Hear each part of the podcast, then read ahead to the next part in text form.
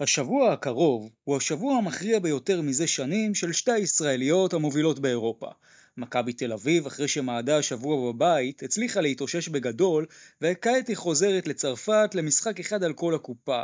ניצחון במשחק הזה יהפוך את העונה הזאת של הצהובים לעונה הטובה ביותר בפורמט החדש של היורוליג מבחינתם.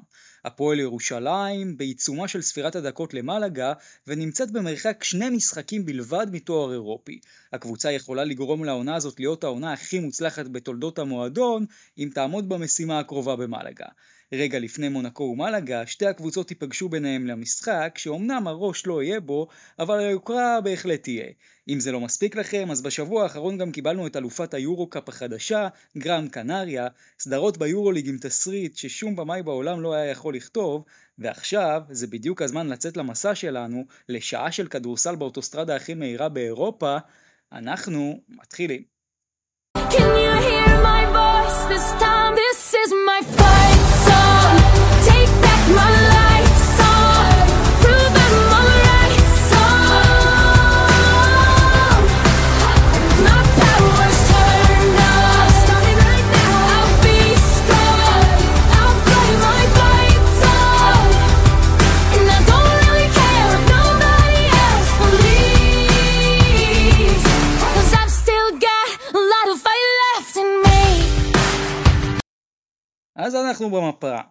ברוכים הבאים, פרק 35, ובמקרה שלו, 35 זה גם המספר וההפרש שבו מכבי תל אביב הביסה את מונקו במשחק האחרון שלה, וגם המספר של המשחקים שהייתי רוצה בין פנרבכצ'ה לאולימפיאקוס.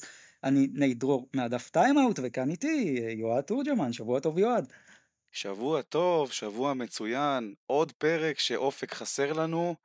אמ, שבוע קשה מאוד, ואתה יודע, אני, אני אומר לך, בתור אחד שהיה בהיכל, במשחק השלישי, אווירת הלם כזאת אני לא זוכר. אמ, משחק רביעי זה קצת תוקן, אבל בוא נגיד את הצ'אנס שהיה לנו פספסנו, נדבר על זה עוד הרבה מאוד בהמשך. כן, אז בהחלט גם אנחנו בעצם נפתח את הפרק עם כותרות, ואז כמובן נדבר על הנושא הזה, על משחק 4, וגם על המשחק החמישי שהולך להיות ביום רביעי במונקו. אחרי זה נעבור אה, לשאר הסדרות ביורוליג, נדבר גם, אה, וגם בכותרת אני אדבר על פרטיזן וריאל, נדבר על אולימפיאקוס ופנר, סדרה מטורפת, אה, בלי לשים לב גם ברצלונה פתאום משלימה את העבודה, יש לנו אלופת יורו-קאפ חדשה, גרנד קנריה, נדבר על העונה שלה. ובחלק האחרון של התוכנית נתכונן לקלאסיקו עם הפועל ירושלים וגם למלאגה עם פינישים אחרונים.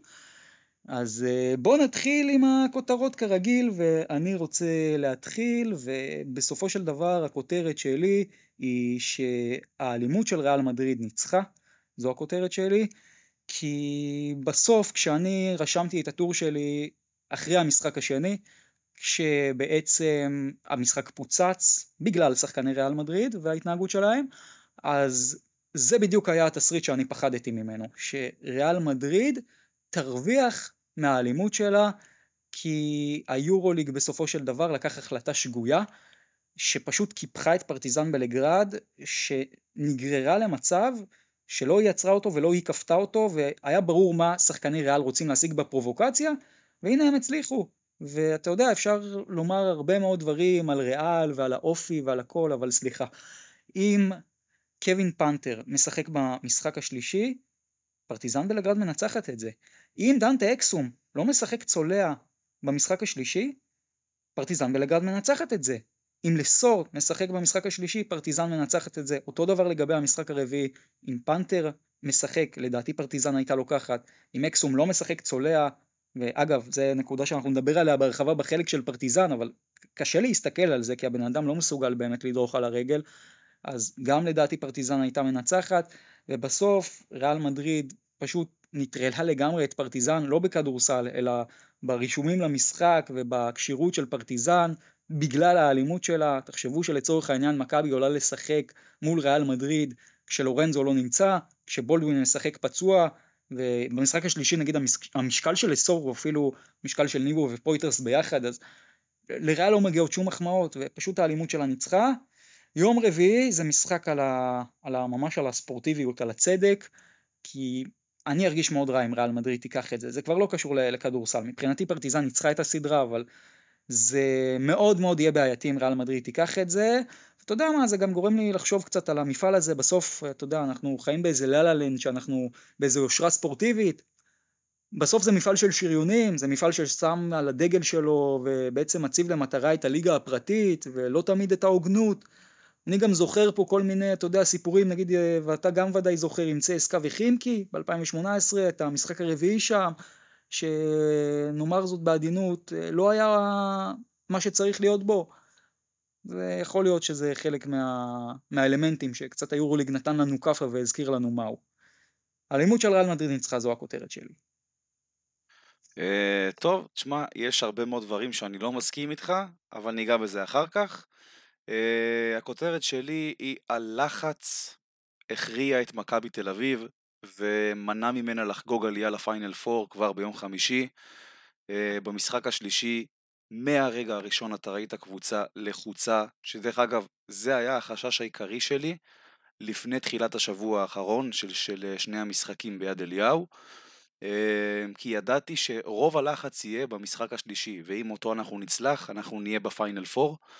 אמ, ובהחלט, כמו שאמרתי, ראו לחץ מהרגע הראשון שפגע במכבי, אם זה, אתה ראית החטאות לאפים של פויטרס, של שחקנים אה, נוספים, שבאמת קשה מאוד לדעת מה הסיבה לזה, אבל כמובן, כשאתה מסתכל איך שהם נראו ב... מהבחינה של השפת גוף, אתה מבין שזה נבע מלחץ, אתה ראית גם ניסיונות לצאת להתקפות מתפרצות, אם זה מהלך שבולדווין אה, מוסר כדור לבונזי קולסון, חזק מדי, ובסוף הוא איכשהו משתלט על זה, וזה נגמר בעיבוד כדור ולא בדנק. אז uh, חבל, חבל מבחינת מכבי תל אביב, ומבחינתי כמובן, ומבחינת אוהדיה, uh, כי יכלנו כבר לחגוג עלייה לפיינל 4 השבוע, וחבל מאוד שככה זה יסתיים, אבל יש עוד משחק אחד אחרון בצרפת, ובוא נקווה לטוב. אז בואו באמת נמשיך באותו נושא עם מכבי תל אביב, אז נתחיל מההתחלה, מהמשחק השלישי. אתה יודע, הפרק קודם פה לפני שבוע דיברנו על הקטע של השיפוט, ואני הטענה שלי זה שאתם הפסדתם את המשחק השלישי כבר בסוף המשחק השני, שזה מה ששמתם לכם למטרה. השיפוט, השיפוט ומונקו, ואני כבר ידעתי שמונקו ישנה במלון הילטון בחדרים 712 אה, עד 720, כולם ידעו את זה.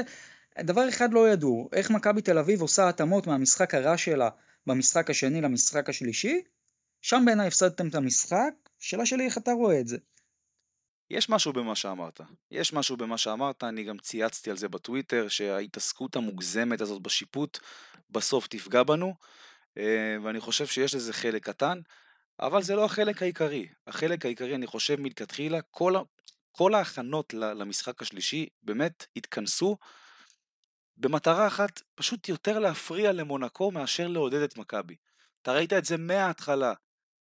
אם זה החיקוי לאוטובוס בהתחלה, בתוך האולם גם אתה ראית שזרקו עליהם קונפטי בהתחלה, התעסקות מוגזמת בכל שחקן ושחקן, ואני חושב, תשמע, אפשר לבוא ולעשות הכל בשביל אה, למנוע מהקבוצה היריבה לנצח, אבל כאן זה באמת היה בולט יותר מדי, והם התעסקו ב, ביותר להפריע למונקו מאשר לעודד את מכבי, ובסוף זה גם מה שהלחיץ את מכבי, אני חושב, יש לזה גם חלק. אמ, זה, זה לגבי העניין אה, שדיברת עליו עם השיפוט וכל הדברים שלא קשורים ל, ל, לכדורסל. בוא ניגע עכשיו ברמה המקצועית, כמו שאמרתי בכותרת, אני חושב שהלחץ הוא זה שהכריע את מכבי במשחק השלישי, כי אין מה לעשות, תראה, שאתה לחוץ, אתה לא רץ. אתה נוטה יותר לעשות דברים ברוגע, יותר מתון, אמ, מאט את הקצב. ככה זה קבוצה לחוצה. אתה רוצה יותר להאט את הקצב, אתה לא רוצה את הראנן בלאגן הזה, ולהשתולל ולאבד את הראש. ולשחק משחק איטי מול קבוצה כמו מונקו, שזה הכלי העיקרי שלה מול קבוצה כמו מכבי תל אביב שחיה מהמשחק ריצה, זה לשחק לידיים של מונקו, זה מה שקרה במשחק השלישי. אה, וכמובן, ההחטאות לאפים שדיברתי עליהן מקודם, זריקות פנויות לחלוטין לשלוש, אם זה של בולדווין, של לורנזו בראון, של ג'רל מרטין, שבסדר, כל הסדרה הוא לא פוגע, אבל גם במשחק הזה, גם ג'יי כהן החטיא איזה שלשה אה, פנויה אני חושב במשחק השלישי, גם ג'ון די ברטולומיאו, ואתה יודע, זה גם עניין של לחץ, אה, של חשש. ותראה, שת, שתיים שלוש זריקות לשלוש שנכנסות, ואנחנו מדברים פה אחרת עכשיו בפרק הזה. וככה אני רואה פחות או יותר את המשחק השלישי, וחבל מבחינתי שככה הוא נגמר, כי באמת פספסנו פה בענק. אבל ראית איזה שינוי טקטי, משהו, בין המשחק השני לשלישי? כי אני התחושה שלי זה שמכבי, ואגב זה לא רק תחושה שלי, זה גם מתוך ידיעה מהאנשים שהיו שם, שמכבי האמינה במשחק השני, שאלמלא השופטים, היא הייתה מנצחת. עכשיו, אני, לא, אני רוצה... אני לא קונה את זה. אני לא זה קונה לא, לא, את זה. זה, זה מה שאני רוצה לטעון. אני רוצה לטעון שגם אם שמעון מזרחי היה שופט, ודייוויד פדרמן היה המשקיף, מכבי לא הייתה מנצחת במשחק השני. השאלה אבל אם ראית איזה שינוי מהמשחק השני לשלישי ברמה הטקטית של איך הקבוצה הגיעה, כי אני לא ראיתי שינוי כזה. אני גם לא, לא, לא משהו מי, מי יודע מה, אבל תראה, במשחק השלישי פתחנו עם ג'רל מרטין ואלכס פויטרס בחמישייה. שזה כן שינוי בחמישייה, אבל שוב, אתה לא ראית פה איזה אלמנט שונה במשחק, או איזה הכנה טקטית אה, יוצאת דופן. בגדול, אותו סיפור, משחק שני ושלישי. דרך אגב, גם במשחק הראשון, לא ראיתי שום שינוי. ניצחנו את המשחק הראשון בדיוק באותו דרך שהפסדנו את המשחק השני והשלישי. ככה לפחות אני רואה את זה. אה, האמת מעניין, אתה, יודע מה, אני מסכים איתך על הנקודה הזאת, ויכול להיות שבמשחק הראשון מכבי הייתה צריכה לקחת רק את התוצאה ולא את הדרך. אה, אני רוצה אבל רגע לפני שאנחנו עוברים למשחק 4, שתספר לי טיפה גם על הקהל, כי זה היה נראה שכמו שהקבוצה קורסת ככה גם הקהל קורס, ובניגוד לציפיות אגב. הלם טוטאלי. אמרתי בפתיחה, הלם טוטאלי, אני לא זוכר דבר כזה. לא זוכר אווירה כזאת חשוכה, ואני מדבר איתך ברמה שכולם בהלם. מאחרון השחקנים עד אחרון האוהדים. כמובן ש, שלפני השריקה היה אווירה, היה עידוד, היה זה. מרגע שריקת הפתיחה, מונקו התחילה באמת להראות עליונות במשחק, וראית את מכבי מתקשה, הלם טוטאלי, מהשחקנים עד האוהדים. אה, עכשיו המשחק נגמר, כולם יוצאים מהאולם, במעלה המדרגות למטה ככה, תקשיב, שקט מופתי כזה אני לא זוכר. לא זוכר. זה משהו שלא זכור לי בכל שנותיי בהיכל. אה, ובאמת שכאב לי לראות את זה, כאב לי לראות את זה. כן, ואתה מדבר על שקט, אז כנראה שזה היה השקט שלפני הסערה. אז בואו נעבור מפה באמת למשחק 4, שאגב התחיל בדיוק כמו אה, משחק 3 וכמו משחק 2, מונקו רבע ראשון 24-17, ומבחינתי אני מסמן כמובן את תחילת הרבע השני כרגע של אה, נקודת מפנה. לקטש פשוט נמאס, נמאס לו להתאים את עצמו למונקו. נמאס לו לחשוב איך הוא עוצר את אגדת הכדורסל ג'ון בראון מלעשות לו נזק. רגע, שנייה, לחשוב... שנייה רגע, שנייה רגע ברשותך. אני רוצה עוד להוסיף משהו קטן על המשחק הראשון. כן. אמ, אני חושב שמכבי ניצחה אותו בעיקר בגלל שמונקו הייתה קבוצה לחוצה. הרבה יותר לחוצה ממכבי, וזה מתחבר גם למשחק השלישי. מונקו הייתה פחות לחוצה ממכבי, ומכבי הייתה האימא של הלחוצה. וזה לדעתי אחת הסיבות, וזה גם הדבר שאני לוקח למשחק החמישי, כי מונקו תהיה הקבוצה ש... שהרבה יותר לחוצה.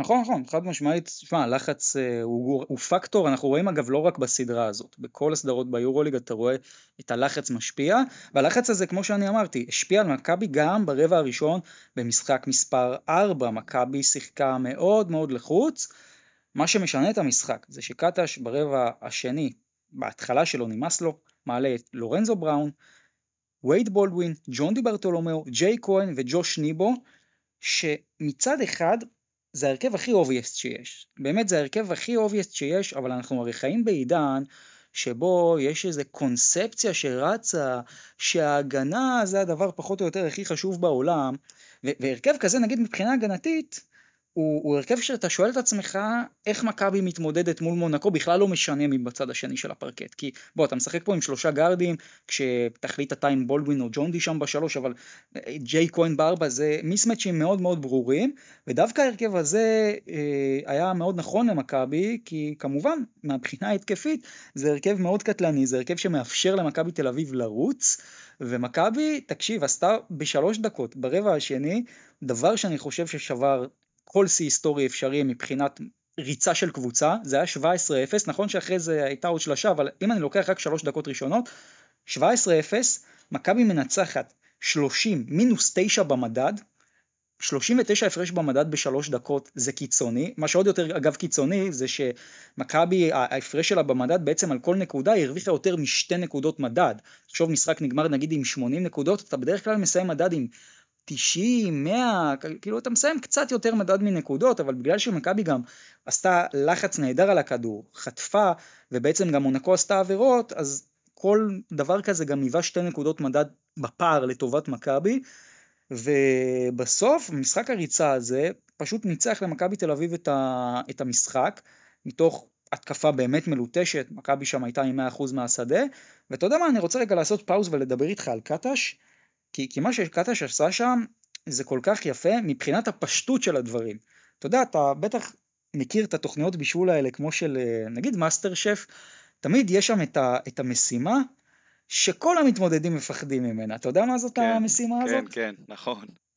אני אגיד לך, המשימה הזאת זה המשימה, זה, אני קורא לה משימת התפוח אדמה, זה המשימה שבה אומרים למתמודדים, אתם עכשיו מקבלים רק חומר גלם אחד, רק תפוח אדמה, יש לכם במזווה כל הצבעים, כל הגדלים, מה שאתם רוצים, אבל רק בזה מותר לכם להשתמש, אולי עוד כמה תבלינים, ואתם צריכים להוציא לי מנת גורמה מהדבר הזה. עכשיו, אתה מקבל את החומר גלם הזה, כאילו, מה כבר אפשר לעשות מזה? כולה פירה שילד בן חמש גם יודע להכין. ועודד קטש הוא המאמן, והוא בעצם המתמודד שמנצח במשימה הזאת. הוא המתמודד שמצליח להוציא מהתפוח אדמה הזה מנת גורמי. כי מה קטש עשה פה? עשה פה את הדבר הכי פשוט בעולם. לקח כן, את השחקנים בסיסי. שלו, כן, לקח את השחקנים שלו שמתאים להם משחק ריצה והתאים אותו. אבל זו דווקא הגדולה, כי, כי צריך פה הרבה אומץ, כמו שאמרתי, אני לא בטוח שכל מאמן היה עושה את הדבר הזה, וכל מאמן היה ככה מחליף את הדיסקט אחרי שלא עבד לו הדבר הראשון. ופשוט קטש במשימת התפוח אדמה הזאת ניצח בענק. זו אגב הסיבה שלאורך הקריירה קטש מאוד מצליח לפתח שחקנים אה, צעירים. ושגם מאוד קל להתחבר לסגנון משחק שלו, כי, כי זה כדורסל פשוט, בסוף המשחק הזה הוא הרבה יותר פשוט ממה שעושים ממנו, אז זה לזכות קטש. לחובת כן. קטש אני רוצה לומר, לא ברור לי, לא רק בסדרה, לאורך כל העונה, מה זאת ההתעקשות הזאת על קולסון ומרטין. קודם כל נתחיל מזה שבסדרה הם לא טובים, אה, במיוחד ג'רל מרטין. אבל בוא נגיד בקטע עם מרטין, למה לפתוח איתו בחמישייה? מתי מרטין עלה בחמישייה ונתן משחק טוב? חמשת המשחקים הכי טובים מהעונה של מרטין, כמו למשל הנדולו בחוץ, או פרטיזן, בבית, היו משחקים שמרטין עלה מהספסל ו- ואז uh, השפיע עליהם. גם אגב בונזי קולסון, החצי הראשון, אם אתה שואל אותי, הרבה יותר חלש מהחצי השני. לא ברורה לי ההתעקשות הזאת, אוקיי, והם לא בסדרה טובה, קולסון. אני אגיד לך את דעתי.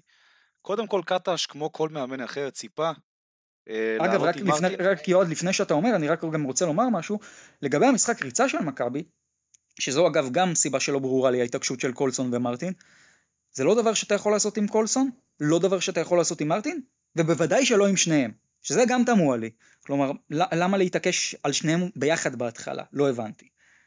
קודם כל, הוא ניסה, אה, הוא, הוא ניסה לשנות פה משהו, אה, וקיווה שהשלשות של מרטין ייכנסו, והם לא נכנסו, והוא הסתבך בבעיית עבירות, וזה מה שקרה. אבל בסוף זה היה ניסיון שלא צלח, אה, ופה זה נגמר. הוא הבין מהר מאוד שזה לא ילך, ושינה את הדיסקט. אה, לגבי המשחק, אה, לגבי המשחק הרביעי, אני רואה את זה בצורה כזאת, אוקיי? אני זיהיתי משהו, מגמה באמת ברורה וקבועה של סאשה אוברדוביץ', שהוא כל הסדרה, לאורך כל הסדרה, משחק ראשון, שני, שלישי, מהמר על הכלייה של מכבי בעמדה 4. אם קולסון משחק בארבע, אתה רואה שנותנים לו את המבטים. גם אם זה ג'ייק, גם אם זה ג'רל מרטין, ובשלושה משחקים זה הלך לו מצוין. אז הוא הפסיד אחד, אוקיי. אבל בש, ב, בשלושה משחקים זה הלך לו מצוין, וגם ברבע הראשון של המשחק הרביעי זה הלך לו מצוין, כי ג'רל מרטין פשוט לא היה מסוגל לעשות סל מחוץ לקשת. אבל אז, בתחילת הרבע השני במשחק הרביעי, ג'יי כהן התחיל לקלוע. ואז כל תוכנית המשחק שלו השתבשה, הוא היה צריך לחשוב, לחשב אה, מסלול מחדש, ולהבין מה עושים פה, ואיך עוצרים את כל ההתעוררות של הקהל, ואת הריצה, ואת ההתלהבות, והוא נכשל בזה, והתחרבנה לו כל התוכנית משחק, ומכבי ניצחה ושייטה עד הסוף לניצחון. אה, אז כמו שאני רואה את זה, הרבה מאוד יהיה תלוי באחוזי הכלייה של מכבי מעמדה 4 במשחק החמישי, כי זה יכול להיות מוכרע שם. אה, דרך אגב, עד המשחק הרביעי, מעמדה 4, שלשה אחת בלבד. בשלושה משחקים, משחק ראשון, שני ושלישי, שלשה אחת בלבד של ג'רל מרטין במשחק השני, שגם, אתה יודע, זה היה מין דרדלה כזה שקפץ על הטבעת, פגע בלוח ונכנס. זה אם לא יהיה לנו את הכלייה מעמדה 4 במשחק החמישי, אנחנו נהיה בבעיה. אמ, ולגבי פתיחת המשחק, גם זה היה נראה שמכבי עדיין לחוצה. אמ, כי מונקו באמת פתחה פער של איזה 8 או 9, אם אני זוכר נכון.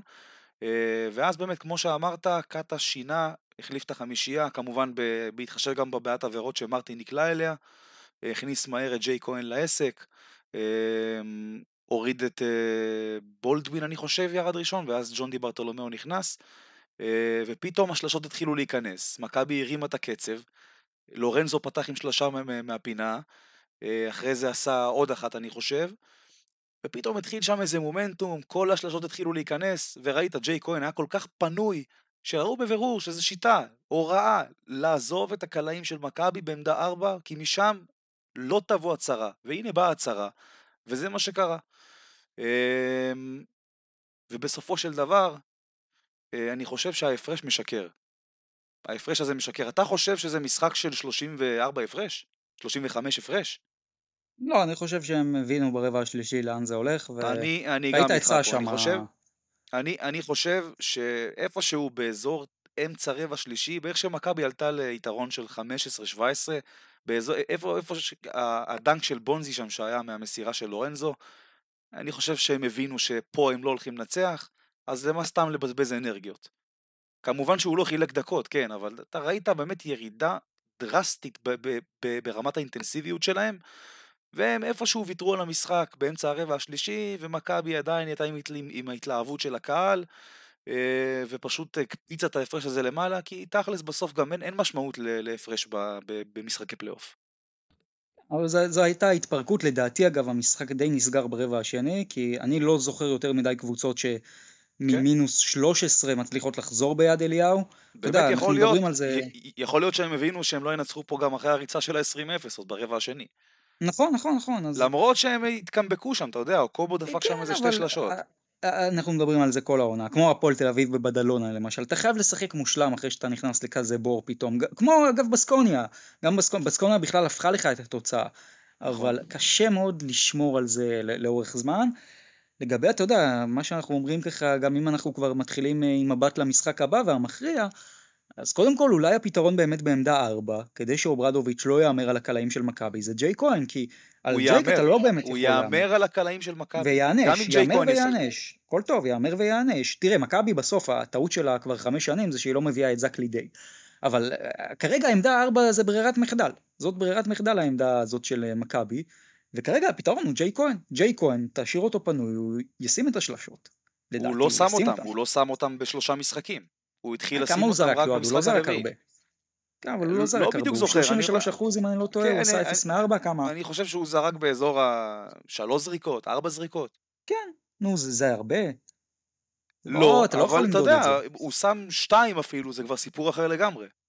נכון, וזה הסיפור. עכשיו, אני טוען שבמשחק החמישי, מכבי תל אביב צריכה להפסיק אה, שוב לנסות להתאים את עצמה למונקו. ההרכב האידיאלי לאורך רוב המשחק צריך להיות לורנזו, בולדווין, ג'ון די או איליארד, כל פעם אחד מהם, כהן או סורקין, כל פעם אחד מהם, ניבו פויטרס, שוב, קולסון ומרטין יכול להיות להם חלק טוב אם מכבי תצליח לפתוח פער בהתחלה. הם שחקנים שאז אתה צריך את האסל, אז אתה צריך את המלחמה, אז אתה צריך את הקרב חפירות הזה. אז אתה צריך בעצם אה, להחנות את האוטובוס ולשמור על הפער. עזוב, אתה צריך את בונזי, זה לדעתי. אתה צריך את בונזי בכל מקרה. אתה, ב- במשחק כזה, במעמד כזה, אתה תהיה חייב את האסל, כי זה, אתה יודע, עזוב עכשיו, שים את הכלייה מעמדה 4 בצד, זה יוכרע על הדברים האלה, על הפעולות הקטנות. אתה לא תרוץ איתו, אבל יועד, אתה לא תרוץ עם בונזי, אתה תשחק עם בונזי, המשחק שלך יהיה תקוע כמו 1, אפשר 2, 3. לרוץ, אפשר לרוץ גם עם בונזי קולסון, מה, אני לא מבין למה הפכת אותו. לא, אני לא זוכר מתי, מתי מכבי רצה, גם אגב ב- באיסטנבול למשל, שוב, הריצות הגדולות של מכבי, אגב, גם מול הכוכב האדום, בקאמבק אה, בסוף עם בולדווין, אה, בהרכב של ארבעת הישראלים, קולסון לא היה שם, קולסון הוא פחות שחקן למשחק ריצה, הוא יותר שחקן לקרב חפירות, נו, מה השאלה פה? אתה, זה כן. סגנון שמתאים יותר נגיד לג'יקיץ' והפועל ירושלים, לדעתי. תראה, זה פחות יתאים יש- למשחק חמש, אלא אם כן, יש- אתה רוצה לגרור את המשחק הזה כמו משחק 1, 2 ו-3. יש דבר אחד שאני מסכים איתך, אוקיי? שבונזי קולסון הוא בדיוק השחקן לקרב חפירות. אבל אם אתה שואל אותי, זה הולך לשם. המשחק החמישי הולך לשם, ואני גם חושב, אני, אני אתה יודע, אני, אני אקח את הדיון הזה לבונזי קולסון, אני חושב שלא מתפקידו להיות ה top scorer של מכבי. אם אני, אם אני זוכר נכון, הוא היה ה top scorer של מכבי במשחק השלישי, נכון, נכון, וזה וזה סימן, היה על הפנים. וזה סימן שהעסק לא עובד. ההתקפה לא עובדת, לא מתקתקת, כי אין מה לעשות, ההתקפה של מכבי תל אביב בנויה א', על משחק הריצה, ב', על החדירות של לורנזו בראון ווייד בולדווין, ועל היכולת שלהם ליצור איזשהו מהלך, אם זה ממסירה למישהו אחרי חדירה, או אם זה ליצור לעצמם איזה זריקה, אה, ואתה ראית בבירור שזה לא עבד, ובונזי קולסון הוא באמת במשחק העומד שבאמת כל הצבע נעול וסוגרים לך את החדירות של הגארדים, הוא באמת השחקן שאתה הולך אליו ב post-up, אה, אחרי החטאה הוא לוקח offensive rebound ומסיים. בונזי קולסון לא צריך להיות ה top scorer של מכבי, וברגע שיש משחק כזה, זה סימן לא טוב. נכון, אני מסכים, אבל אני גם אוסיף שבוא, בונזי כרגע לא בסדרה טובה, הממוצעים שלו הם לא טובים. הוא, אני אתן לך נתון שתשמע, אתה יודע, אפשר לא לאהוב את הפלוס מינוס, אבל כשזה צועק, זה צועק. ב-108 דקות לבונזי קולסון, כשהוא בעצם על הפרקט מכבי במינוס 4, ב-52 דקות שבונזי קולסון על הספסל מכבי בפלוס 33. זה צועק יותר מדי. שוב, אפשר לטעון שהנתון הזה לא תמיד משקף ולא הכל, יותר מדי צועק הדבר הזה, ואני אגב גם אוסיף שמכבי, אתה אמרת שהמשחק החמישי ילך לקרב חפירות, אסור למכבי להשלים עם העובדה הזאת, מה פתאום? אני מכבי מסכים צריכה איתך. לבוא, להעיף שלושה להתחלה, להראות שאנחנו אנחנו משוגעים, אנחנו היום מעיפים שלשות מהחצי. בדיוק, מייק לבוא ג'יימס, מה. שנקרא לפניך. run and בלאגן, לעשות איזה משחק של run and בלאגן, זה הדרך היחידה של מכבי לנצח את המשחק הזה, אבל אחרי הכל, בונזי קולסון זה שחקן שאני יוצא איתו למלחמה כזאת. מעניין, מעניין גם מה, מה קטש שעשה, תראה, אם אני ריאלי, קטש לא יוותר עליו, בטח לא בחמישייה, והוא ישחק הרבה מאוד דקות, אבל אם אנחנו כן ריאליים, אה, מרטין לא, לא צריך לעלות בחמישייה במשחק חמש, כי, למה? כי זה פשוט לא למה? עבד כל העונה. כי זה לא עבד תן- כל העונה, מתי אתה זוכר אוקיי, משחק ת- שמרטין עלה חמישייה ומכבי הייתה, אוקיי, ומרטין היה טוב. חמישייה, חמישייה בסדר, אוקיי, אבל לא לשחק איתו בכלל, לא יודע, לא, לא, אתה חייב, לא, לא, מה זה לא לשחק? אתה חייב את כולם, אתה חייב את כולם, ברור, אבל ברור, ובוא, נ- אני, הייתי אני, נותן לו יודע, יותר לג'ייק נגיד. אוקיי, אם, אבל אם אני, יש פה איזה אני 25 מקווה, דקות לחלק, לג'ייק יותר. אנחנו ראינו הרבה משחקים השנה מג'רל מרטין, שהוא נכנס ל- לשוונג של אה, כליאה, שהוא לא מסוגל להחטיא, אם זה ב- באיסטנבול מול הנדולו, בקובנה גם, ואם זה יקרה ביום רביעי, זה חתיכת נורת אזהרה לסשה אוברדוביץ', וחתיכת אה, מקרה, וח, ו, ו, ובאמת משהו, רמז עבה וטוב עבור מכבי תל אביב. תראה, אני רוצה להוביל אותך לנקודה הבאה, אה, ויכול להיות שג'ירל מרטין הוא התשובה. מה בעצם מבחינתך כרגע, או מי השחקן שאתה אומר, בכל קבוצה, אם הוא מתעורר זה סיפור אחר לגמרי. במונקו מייק ג'יימס כמובן, כי ראינו מה קרה במשחק השלישי. אה, במכבי תל אביב, אה, אני מתלבט, אני אגיד לך את האמת, אני מתלבט בין ג'רל מרטין ללורנזו בראון. כי לורנזו בראון זה שחקן שאם באמת נכנסות לו השלשות והוא בזון ובביטחון, מכבי במצב טוב, וגם ג'רל מרטין, אם זה יום של תפיסת אה, שלשות ובאמת הכל נכנס לו, כל התוכנית משחק של סאשה אוברדוביץ' בכל הסדרה הזאת הולכת לפח, והוא צריך לחשוב. וזה שתי דברים, זה, זה, זה שני דברים שיכולים לשנות את, ה, את המשחק הזה, ואת כל מה, את כל ההכנה של, של מונקו אליו כאילו. אז אני אגיד, קודם כל במונקו אני אלך על האלמנט המפתיע, כי זה, זו המטרה של הפינה, האלמנט המפתיע, אז אני אלך על בלוסונגיין. זה שחקן שעוד לא ראינו, כן, לא ראינו ממנו כלום בסדרה הזאת לדעתי, בינתיים, והוא כן שחקן שאתה יודע מה, אם פתאום הוא מביא לך שלשות מעמדה 4, מכבי בצרות חבל על הזמן. זה דבר שיכול לשבור את מכבי לדעתי, אה, ובצד של מכבי אני הולך על פויטרס, כי פויטרס במשחק 4 היה טוב, ואם אלכס פויטרס מגיע בכושר טוב למשחק 5 וגם ניבו ממשיך בכושר שלו, ומכבי מנצחת בתוך הצבע, אז אה, זה גם אומר כדורים חוזרים בהתקפה, זה אומר אה, שמכבי גם יכולה לרוץ, זה אומר שגם בהגנה העסק עובד יותר טוב, ובהצלחה למונקו עם הדבר הזה. זה ככה okay. אוקיי. הסיכום שלי. אמ, כמה אוהדים של מכבי הולכים להיות במונקו, כמו בשניים הראשונים, או יותר, פחות? אני, אני לא חושב שכמו בשניים הראשונים, טיפה פחות, אה, אבל אם אני צריך, אני, אני לא יודע מספר מדויק, אבל אם אני צריך להעריך באזור ה-250, גג, גג, גג 300. וואו, זה, זה צניחה דרסטית, כמה היה? בראשון היה כמעט אלף, לא? בראשון היה 700, 800, משהו כזה. טוב, מעניין אה, לראות גם הקהל של מכבי, כי אנחנו יודעים, אה, וגם שמענו מגיא חוויות מאוד קשות. זה מספרים לא סופיים, יכול להיות שפתאום, אה, אתה יודע, תהיה איזה, הם יפתחו את הקנייה באינטרנט, וזה כבר סיפור אחר לגמרי.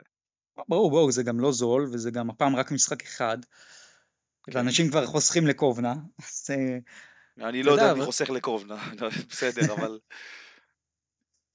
לך תדע, יכול להיות, אה, אנחנו נראה את זה ביום רביעי, ובוא זה מוביל אותנו לחלק של ההימורים. מה אתה אומר?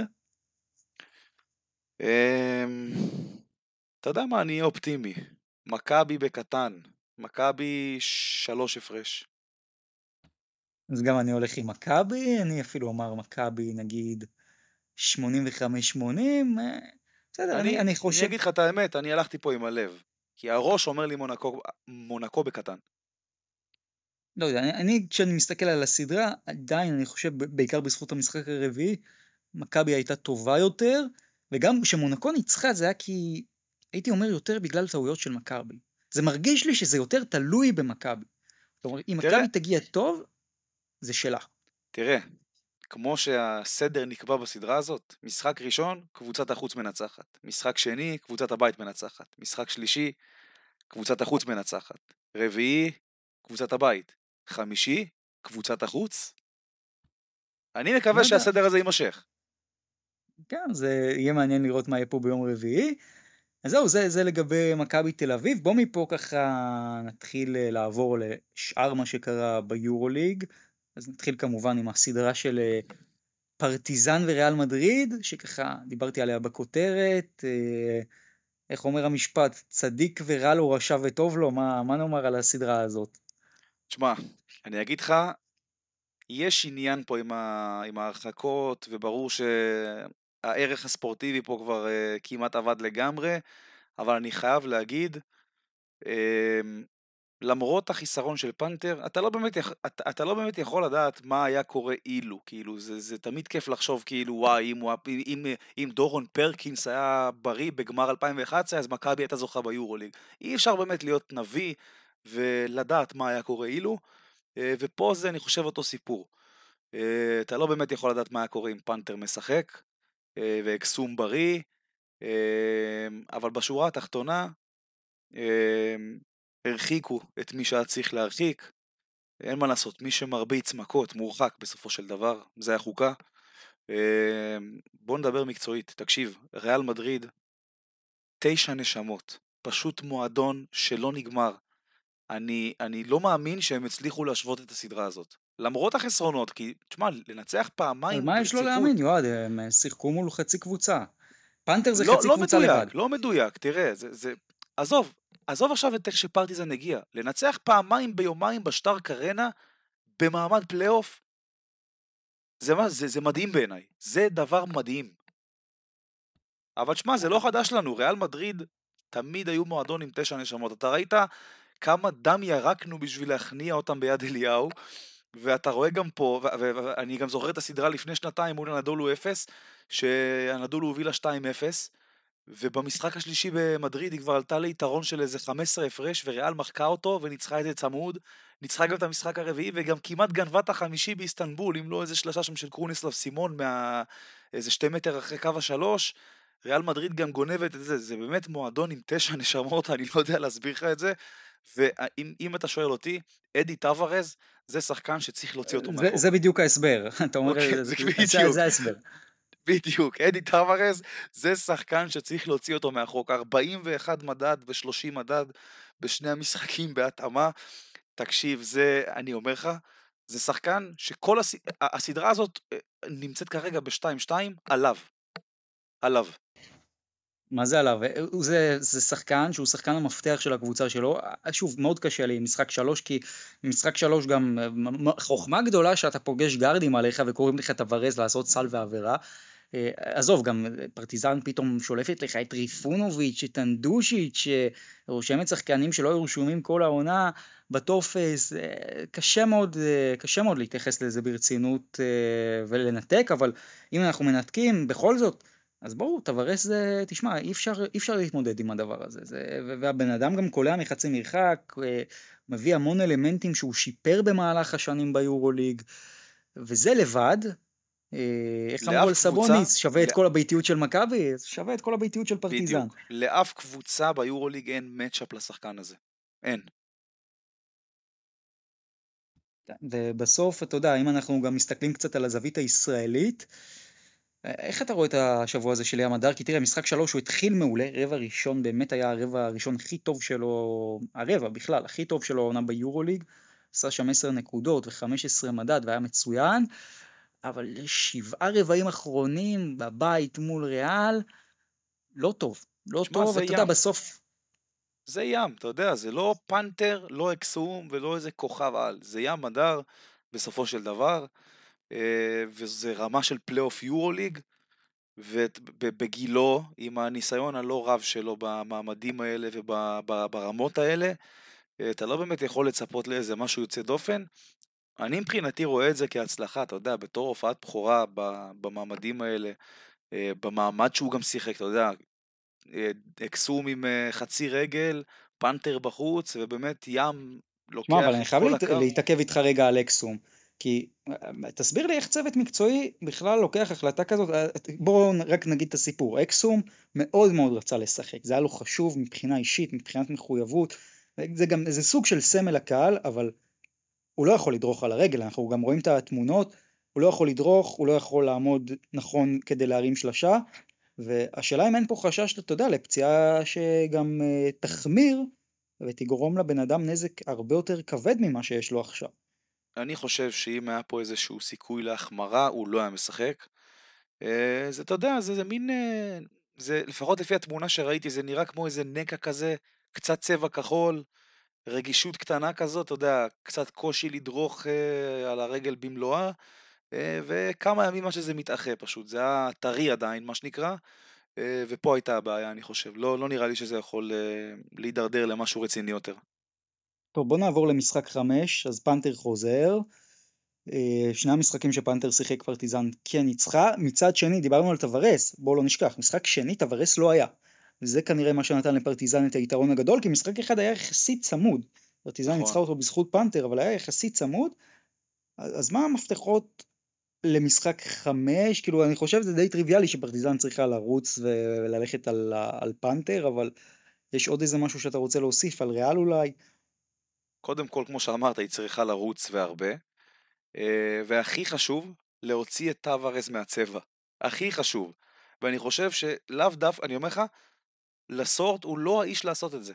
אני חושב שסמייליאגיץ' אה, יהיה הרבה יותר משמעותי במשחק הזה, כי הוא השחקן שיכול להוציא את טווארז מהצבע. אה, והדבר הזה לדעתי יכול להכריע את הסדרה. ווואי, באמת קשה לדעת מה יהיה במשחק הזה. כל כך הרבה דברים, כל כך הרבה אה, סיטואציות שיכולות לקרות, אבל דבר אחד בטוח, היסטוריה במשחק הזה יקרה גם יקרה, אה, או שקבוצת החוץ מנצחת במשחק החמישי, או שקבוצה לראשונה בהיסטוריה של היורוליג אה, הופכת אה, סדרה מ-0-2 ל-3-2, מעניין יהיה בטוח. כן, אגב, יהיו לא מעט אוהדי הפועל ירושלים שיהיו במשחק הזה, אני יודע כבר לפחות על כמה עשרות, שטסים למדריד ביום רביעי ומתכננים לטוס למעלה גם ביום חמישי, אז יצא להם ממש טוב, הם יבואו לעודד את ים הדר. איך אתה חושב זה ייגמר?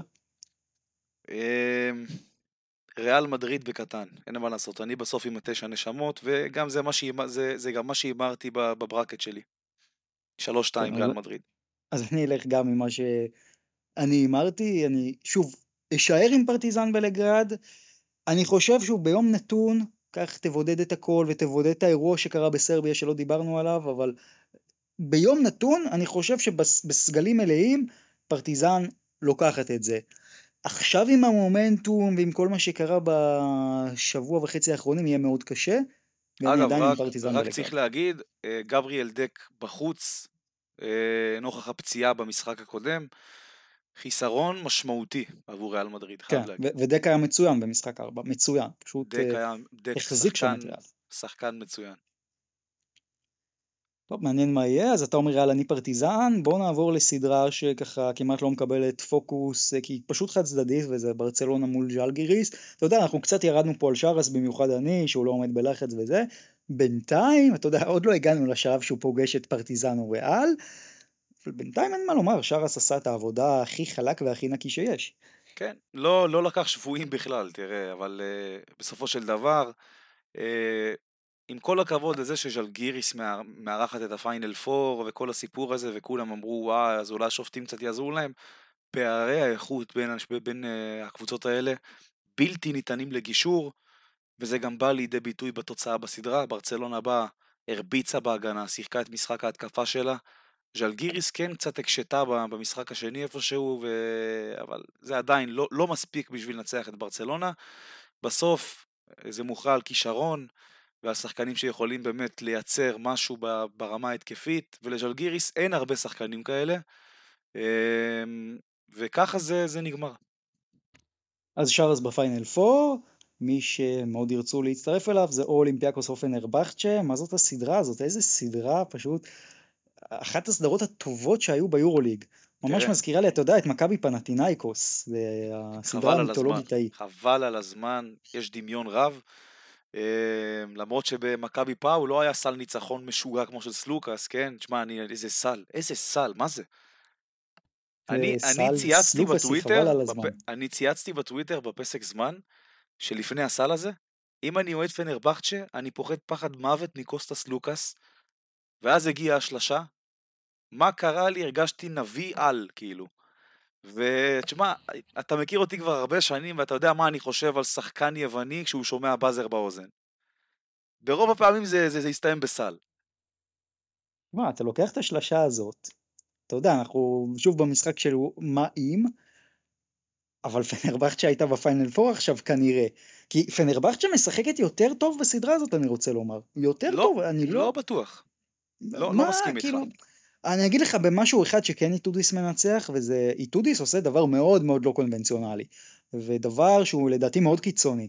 אה, הוא הולך חזק מאוד עם הפורוורדים, אבל בצורה כבר שאתה אומר, כאילו, זה מוגזם. הייז במשחק הרביעי 40 דקות, פייר 37, הייז ופייר בכלל, הייז ממוצע 38 דקות בסדרה, פייר ממוצע 36 דקות, הם כמעט לא נחים, ולצידם תמיד משחק מוטלי או ג'קירי, כלומר, איטודיס הולך פה על הרכב גבוה ופיזי וחזק, גודוריץ' אתה רואה אותו בעמדה 2, זה דבר שאנחנו לא רגילים כל כך לראות. יש לזה הסבר הגיוני. גם בגלל החיסרון של סקוטי, אבל הוא, הוא מצליח להכריע אותם בפיזיות, את כן, אולימפיאקוס. כן, אבל תראה, יש לזה, יש לזה הסבר הגיוני אחרי הכל, כי ביאליצה פצוע, דווין בוקר פצוע, זה שני שחקנים שמאיישים את עמדה 4, ואתה יודע, בסופו של דבר מה שנשאר לפנרבכט שבעמדה 4 אני מדבר איתך, זה נייג'ל אייז, ומדי פעם איזה דיישון פייר.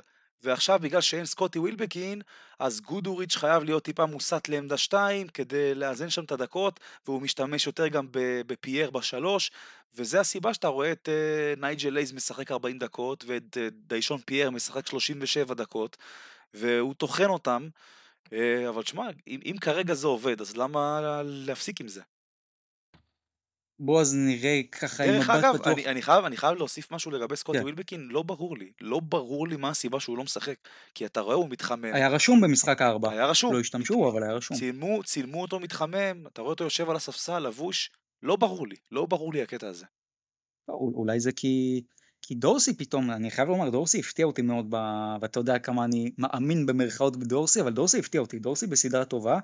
רק תגיד לי, מה, מה יהיה עם השטויות שהבן אדם עושה? כאילו, אתה לא יכול לתת משחק טוב ברמה שלמה, מה זאת הייתה הזריקה הזאת שם לשלוש? כאילו, זה- אני, יש מהלכים, אתה נטרף להם, כאילו, זה, זה היה יכול להפסיד להם את המשחק, ו, וזה לא מהלך מצחיק, זה מהלך ש, שהוא באמת חוסר הבנה בסיסית של המשחק, ברמה שאתה שואל את עצמך, איך שחקן ברמות האלה מגיע לזה בכלל?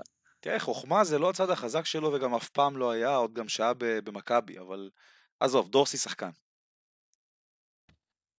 תשמע, שני המשחקים האחרונים בהחלט אומרים ככה, אבל אני עדיין... אה, מעניין, אתה יודע מה, מעניין האם דורסי במשחק חמש יכול uh, לעשות את זה. אני עדיין לא, שם- קשה לי לומר שדורסי הוא מהשורה הראשונה שם.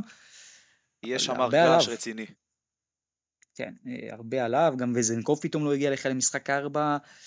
איך, איך אתה רואה את משחק חמש? אולימפיאקוס, שש הפרש.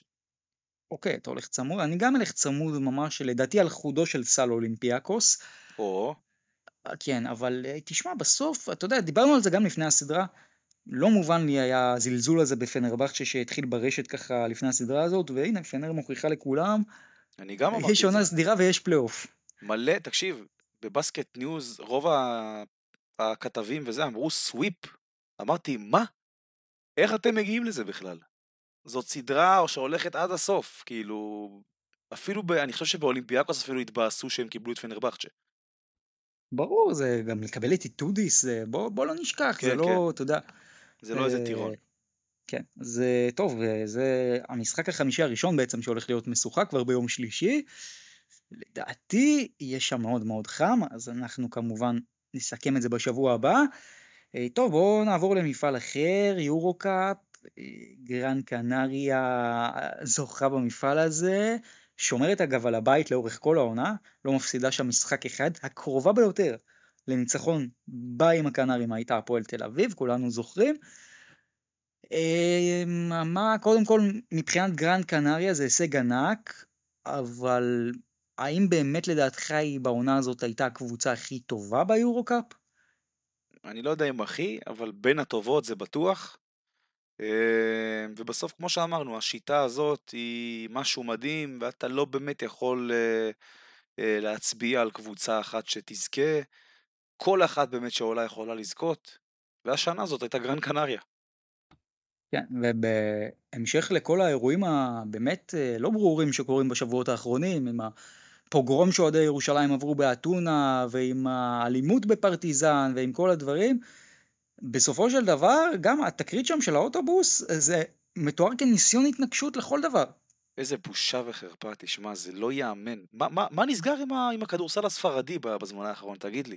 המכות ב, ב, במדריד, התקרית אוטובוס, מה נסגר? מה נסגר? אני, אני אני באמת אגיד לך אומר לך, דבר אני- אחד אני- שנסגר, אני לא הפועל ירושלים אני לא למלגה, הפועל ירושלים למלגה שתביא נהג אוטובוס ותביא שף ותביא הכל משל עצמה.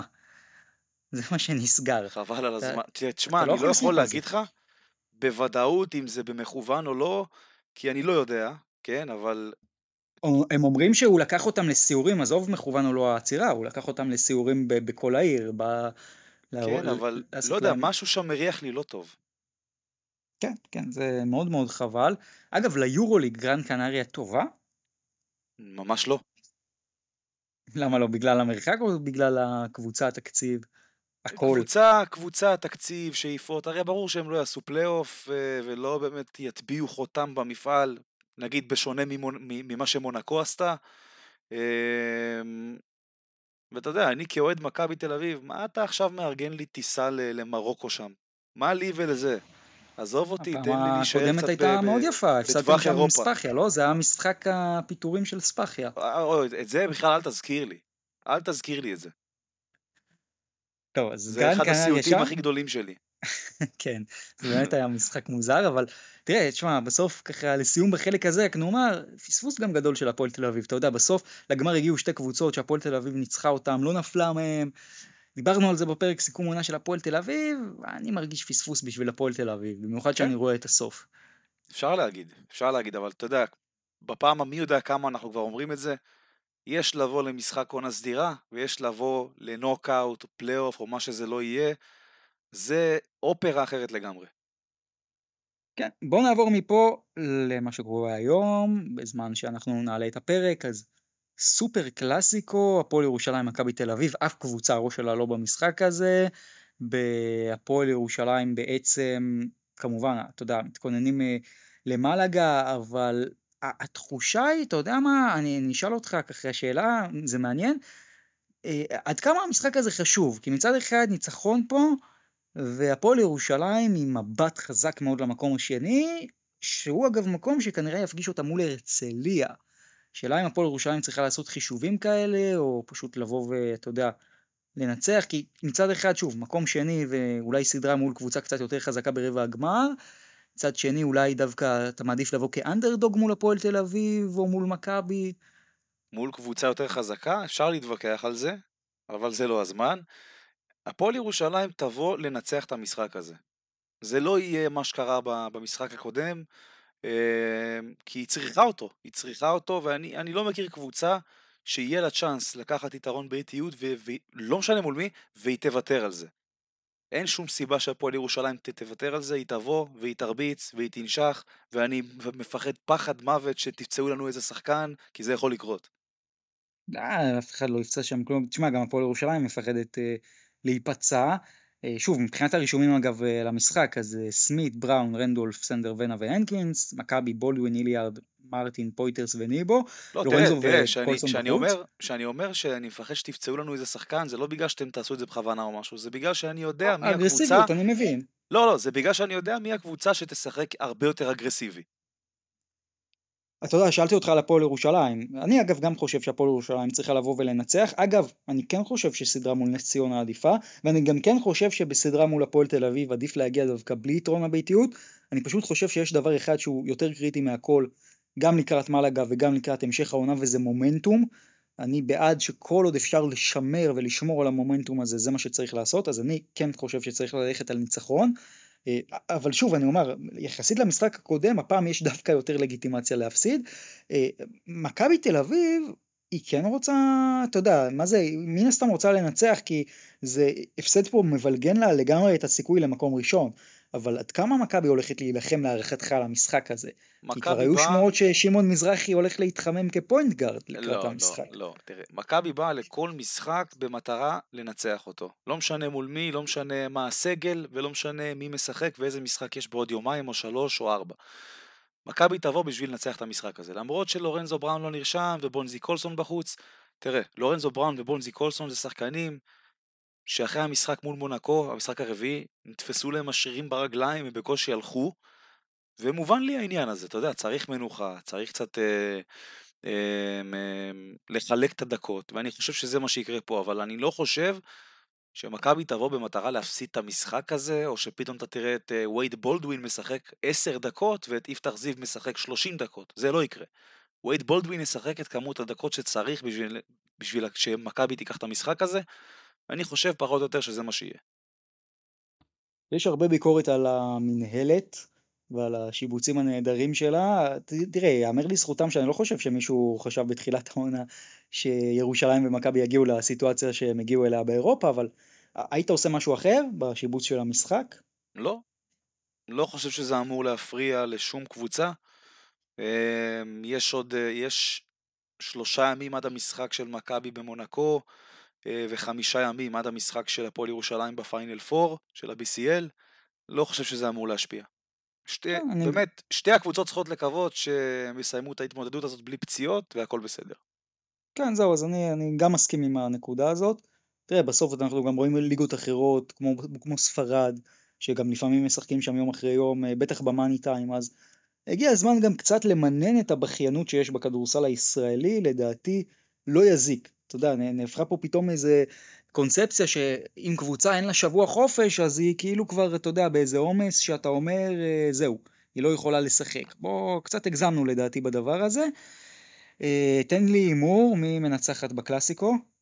הפועל ירושלים. יפה, גם אני הולך עם הפועל ירושלים. כמה הפרש אתה אומר? אני חושב, אני אומר 80-73. אני באזור שלך גם. גם אז 7-8 אנחנו- הפרש כזה. טוב, נראה, אז מבחינתנו זה צפוי, נראה מה יקרה. אה, אגב, אם זה יקרה, זה אומר שהדרבי כנראה הולך להיות קרב על המקום הראשון, כן. אז אה, בהצלחה עם זה. אל תדאג, בדרבי אנחנו נילחם כמו אריות. אוקיי, בוא, בוא נעבור אז אה, קצת, נמשיך עם הפועל ירושלים לקראת השבוע. קודם כל נעשה פה הבהרה מהפרק הקודם. הזכרנו בעצם שהפועל ירושלים הגיע רק אה, שלוש פעמים לחצי הגמר באירופה, אבל זה כמובן בעידן החדש, היה את היולב קאפ, אחרי זה את היורו קאפ, ואחרי זה את ה-BCL מ-2003-2004, גם ב-2001-2002 בגביע הספורט הגיע לחצי הגמר מול סיינה, זה כן אה, ככה צריך לומר. אה, תשמע, האווירה מיוחדת מאוד בקהל של הפועל ירושלים בימים האחרונים, ובסך הכל יש פה באמת תחושה פתאום שאפשר לעשות פה משהו מאוד מאוד מיוחד. אה, טנריף אגב, היא מנצחת לפני זמן קצר את ג'ירונה, לא במאמץ גדול, 88-72, אבל ביום רביעי האחרון, לא יודע אם יצא לך להסתכל, היא הפסידה למורסיה באחד המשחקים הטובים לדעתי שהיו העונה בליגה הספרדית. כשמרצ'ליניו וורטס, ואני מקווה שאתה יושב, 43 נקודות, 8 אסיסטים, 5 ריבאונדים ב-30 דקות. והבן אדם בגיל 39. עכשיו, את זה אתה פוגש ביום שישי. תשמע, הוא לא נגמר, זה... אין דרך לתאר את זה, הבן אדם לא נגמר. גם בגיל 50 נראה לי הוא יעשה מספרים כאלה. זה פשוט כמו יין הדבר הזה, וזה זה מדאיג אגב, כי אם וורטס בא ביכולת כזאת, זה, זה מסובך מאוד, כי וורטס זה שחקן גם שאתה יודע, יש לו את הכלייה כמעט מכל בלטה על הפרקט, וחוכמת משחק שאני לא חושב שיש לכל הפועל ירושלים ביחד בסופו של דבר, והפועל ירושלים היא קבוצה סופר חכמה. זה מסובך מאוד, אה, מה נגיד לך, נקווה שוורטס לא יגיע לשם בשיאו. אה, דבר אחד שכן שווה אולי לשאול, שלא שאלנו בפרק הקודם, מי לדעתך השחקן שהולך אה, וצריך אולי להפתיע במשחק הזה? אצל הפועל ירושלים. כן, מול תנריף. בטנריף? כן. קשה לי להצביע על מישהו ספציפי. אמ, אני אגיד לך מי צריך. צריך את אוקיי. סנדר ונה. זה שחקן שהבאת בדיוק אגב למעמדים מהסגנון הזה, זה שחקן עם המון ניסיון. שלושה, שתיים, שלוש, כמו שאמרתי פרק קודם. יכולה להיות פה גורם מאוד משמעותי. כי יש לך אברומייטיס בצד של טנריף, הוא ישים את השלושה, שתיים, שלוש. אם אנחנו משווים את העמדה הזאת, הפכת את המשחק הזה להרבה יותר שקול. כן, יכול להיות, אבל תראה, אם אני באמת צריך להצביע על שחקן אחד בהפועל ירושלים, אמ, ספידי סמית. אנחנו ראינו, שצריך במלא- גם להדגיש, קצת פחות טוב בחודש האחרון. כן, אנחנו ראינו אבל במלא משחקים השנה, שהוא לקח את הפיקוד והכריע משחקים במו ידיו. והפועל ירושלים תצטרך אותו. גם התקפה, גם, גם התקפית ו- ו- וגם הגנתית. כן, ובעצם הרכבות האוויריות מכל אירופה, כי הפועל ירושלים יש אוהדים לא רק ב- בישראל, אה, יתחילו ככה ביום שלישי, רביעי, אה, הולכת להיות חגיגה של ממש ביום שישי במלאגה. יש לך עוד איזה נקודה ככה לקראת סיום על המשחק הזה? אה, לא, אבל שיהיה בהצלחה להפועל ירושלים. בואו נקווה שהם ייתנו, הם יעשו את מה שצריך, אה, שאור קורנליוס יידבק לצורה של מרסליניו וורטס, ומשם אלוהים גדול. זהו, אני אגיד רק שני דברים. אחד, יש פה הזדמנות מטורפת. שתיים, צריך גם ליהנות מהרגע. כלומר, לא משנה מה יקרה, זה רגעים גדולים של הפועל ירושלים, וזה רגעים, אתה יודע, לזכור גם לעוד 30, 40, 50 שנה, צריך ליהנות מהרגעים האלה. אה, וזהו, אנחנו מסיימים את הפרק ה-35 שלנו, אנחנו כמובן שבוע הבא נהיה פה, אנחנו, אין לנו מושג מה הולך לקרות, אבל אנחנו נהיה פה כמובן עם עוד פרק. ותשמע, וואו, מכבי יכולה להיות בפיינל 4, הפועל ירושלים אה, יכולה להיות כבר בגמר. איזה שבוע יש לנו. ויורוליג, חבל על הזמן. זהו, זה השבוע שהכל יוכרע בו, ויאללה, אי אפשר כבר לחכות. שיהיה לכולם שבוע טוב, ובואו ככה נאחל בהצלחה. בישראליות שלנו באירופה, שבוע טוב לכולם. שבוע טוב, בהצלחה.